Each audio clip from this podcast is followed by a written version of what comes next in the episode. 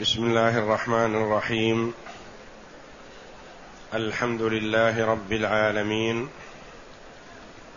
والصلاة والسلام على نبينا محمد وعلى آله وصحبه أجمعين. وبعد.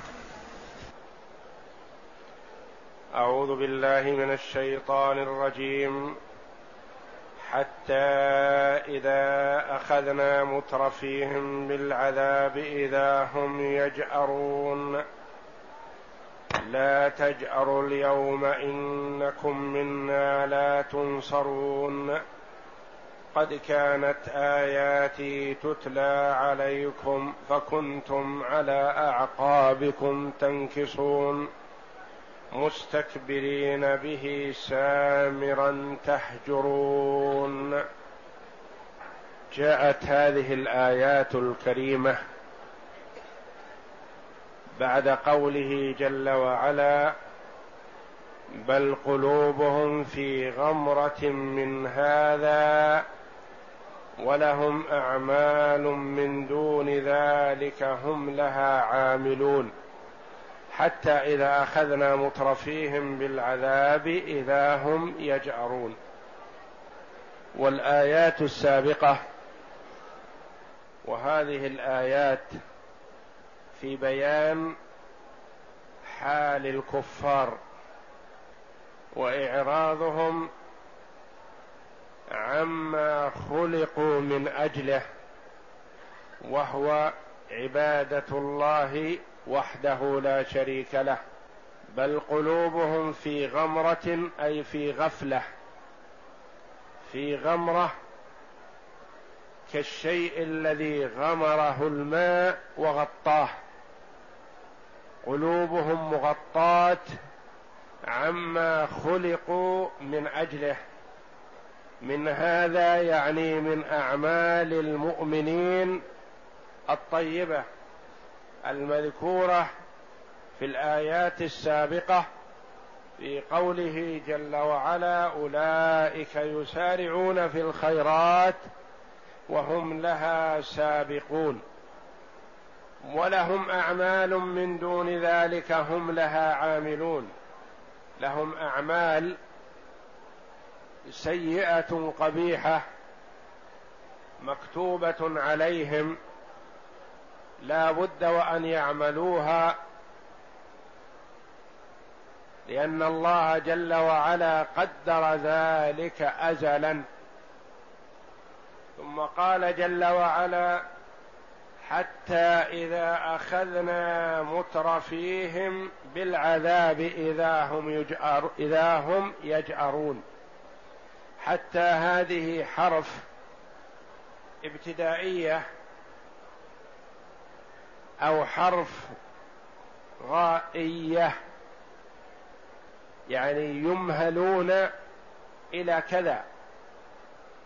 حتى إذا أخذنا مترفيهم أخذنا مترفيهم. المترفون هم الرؤساء والمتنعمون. رؤساهم ومتنعموهم متنعمون مترفون في هذه الدنيا بأنواع النعيم. حتى إذا أخذنا مترفيهم بالعذاب يعني يمهلون ويستمرون على هذا حتى إذا أخذوا أخذوا بالعذاب. هل هو عذاب يوم بدر بالقتل حيث قتل من كفار قريش سبعون وأسر سبعون من صناديدهم وعظمائهم أو أخذناهم بالعذاب بعذاب الدنيا كالقحط الذي حصل عليهم بدعوة النبي صلى الله عليه وسلم بقوله اللهم اشدد وطأتك على مضر واجعلها عليهم سنينا كسني يوسف أو أشد أو كما قال صلى الله عليه وسلم فجأروا في هذه الحال أو المراد أخذوا بعذاب الآخرة بعذاب جهنم.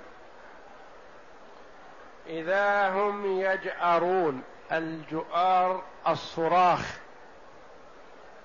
يصرخون ويستغيثون.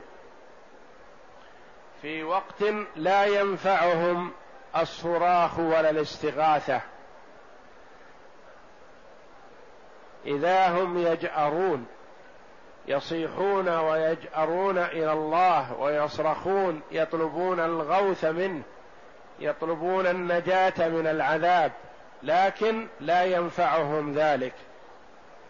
فإذا جأروا إلى الله وصرخوا إليه يقال لهم يعني تقول لهم الملائكة على سبيل التبكيت واللوم والتوبيخ لا تجأروا اليوم الجؤار والصراخ والعويل لا ينفعكم اليوم لأنه ليس هناك أحد يفككم وينقذكم ويغيثكم من عذاب الله. عذاب الله واقع بكم لا محالة. لا تجأروا اليوم لا ينفعكم ذلك. إنكم منا لا تنصرون. تعليل لقوله لا تجأروا اليوم كأنه قال قائل لما يقال لهم لا تجأروا اليوم؟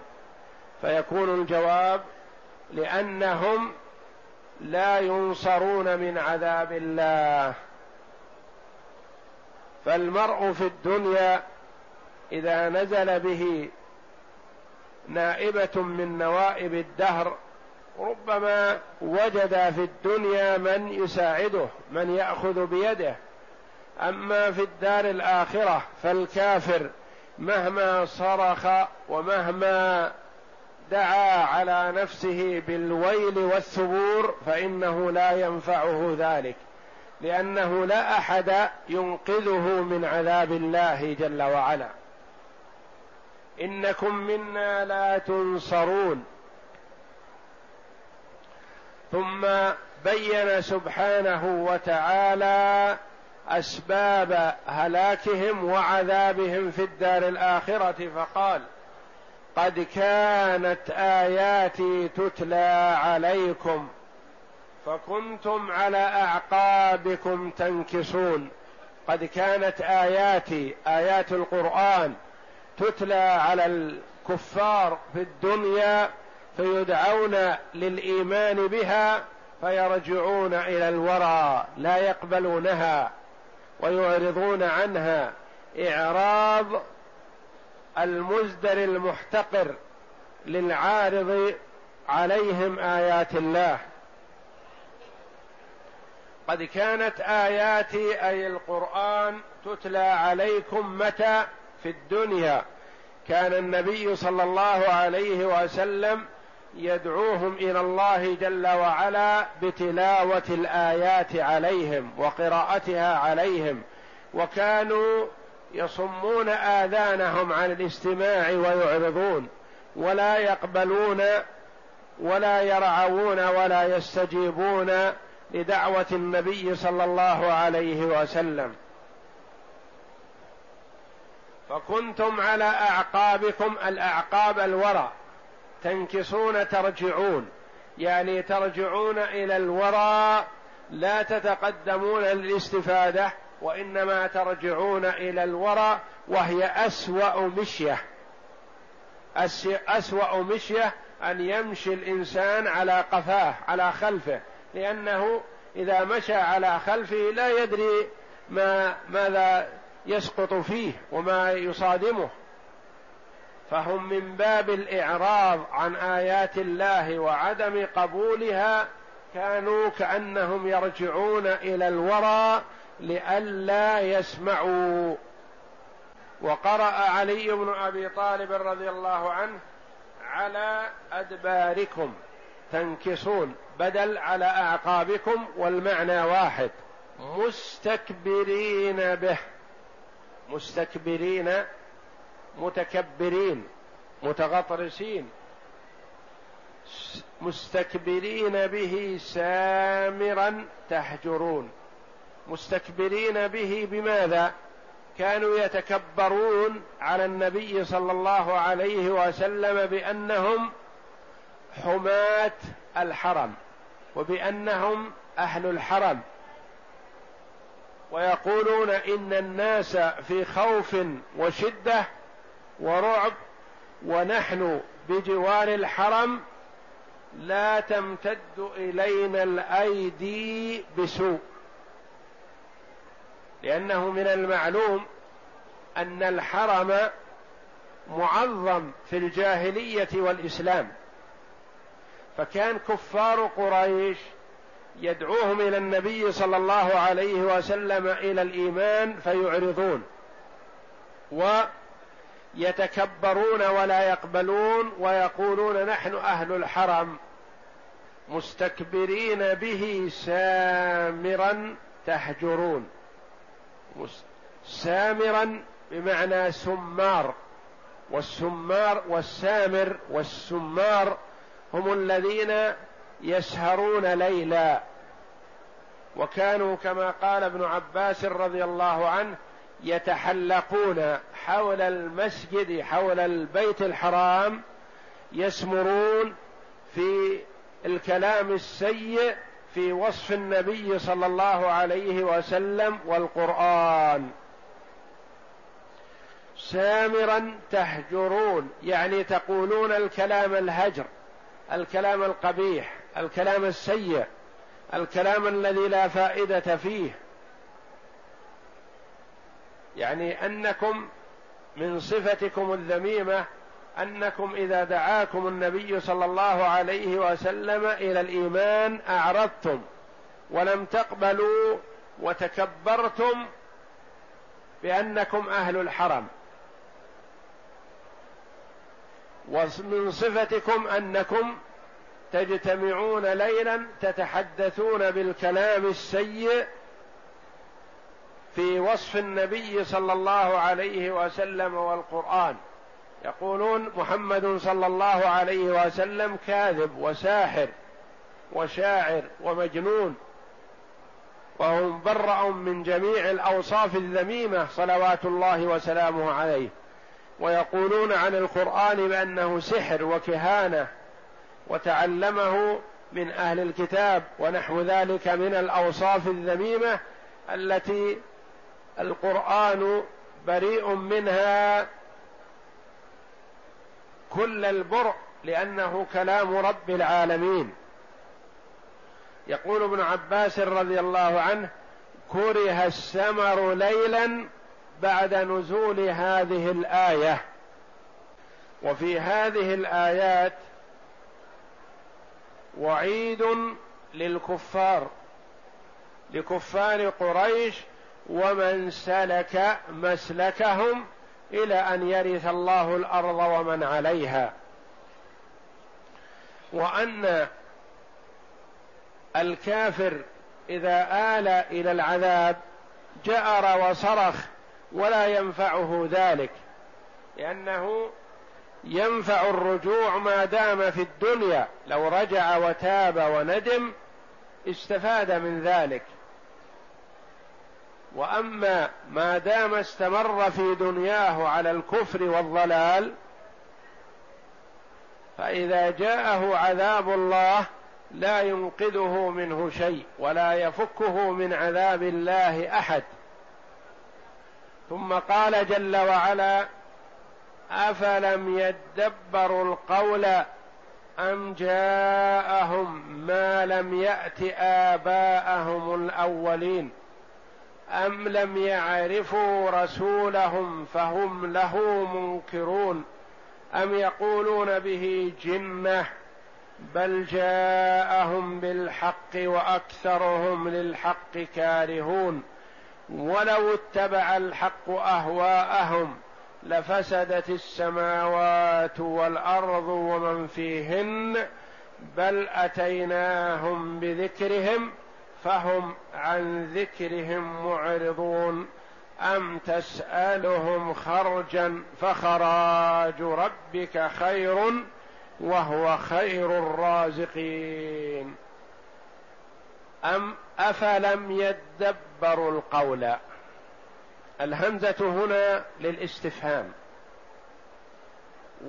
والفاء عاطفة على جملة مقدرة معلومة من السياق.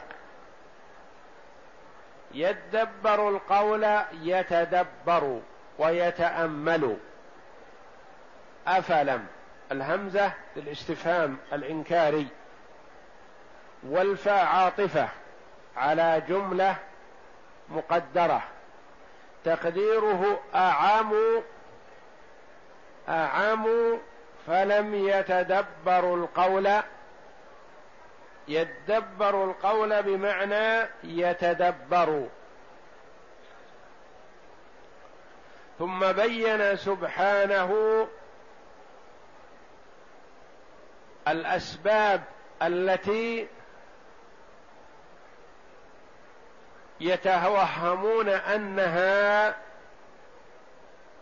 دعتهم إلى الكفر. فقال جل وعلا أم جاءهم ما لم يأت آباءهم الأولين؟ أم جاءهم شيء لم يأت آباءهم الأولين؟ فالله جل وعلا أرسل الرسل ما جاءهم شيء مستغرب وما جاءهم شيء مستنكر بل سنة الله في خلقه. أنه كلما استحكم الظلام والجهل والكفر والضلال أرسل جل وعلا الرسل لبيان الشرائع للخلق. أم جاءهم ما لم يأت آباءهم الأولين؟ أي بل قد جاءهم مثل ما جاء آباءهم الأولين. جاءهم رسول من الله جل وعلا. أم جاءهم ما لم يات آباءهم الأولين؟ السبب الثاني في حملهم على الكفر أم لم يعرفوا رسولهم بل قد عرفوه. لو كان الرسول غريب جاءهم من جهات بعيدة ما عرفوا صدقه ما عرفوا أمانته قالوا يحتمل أنه كاذب يحتمل أنه مزور يحتمل أنه يريد رياسة في احتمالات لكنه في الحقيقة عرفوه منذ نشأته عرفوه بالصدق عرفوه بالأمانة عرفوه بصلة الرحم عرفوه بفعل الخير لأنه عليه الصلاة والسلام منذ نشأ نشأ على الخير والصلاح والتقى قبل أن يوحى إليه. أم لم يعرفوا رسولهم فهم له منكرون؟ يعني أنكروه فلم يعرفوه فلم يؤمنوا به؟ هذه شبهة غير صحيحة بل عرفوه. أم يقولون به جنة؟